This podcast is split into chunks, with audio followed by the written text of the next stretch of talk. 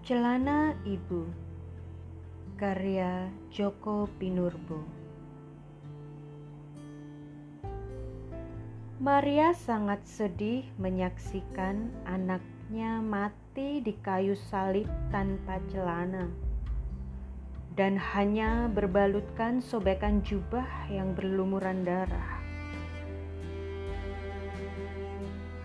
Ketika tiga hari kemudian Yesus bangkit dari mati, pagi-pagi sekali Maria datang ke kubur anaknya itu,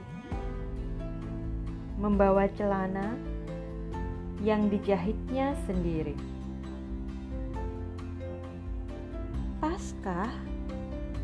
Tanya Maria. Pas sekali, Bu. Jawab Yesus gembira mengenakan celana buatan ibunya, Yesus naik ke surga.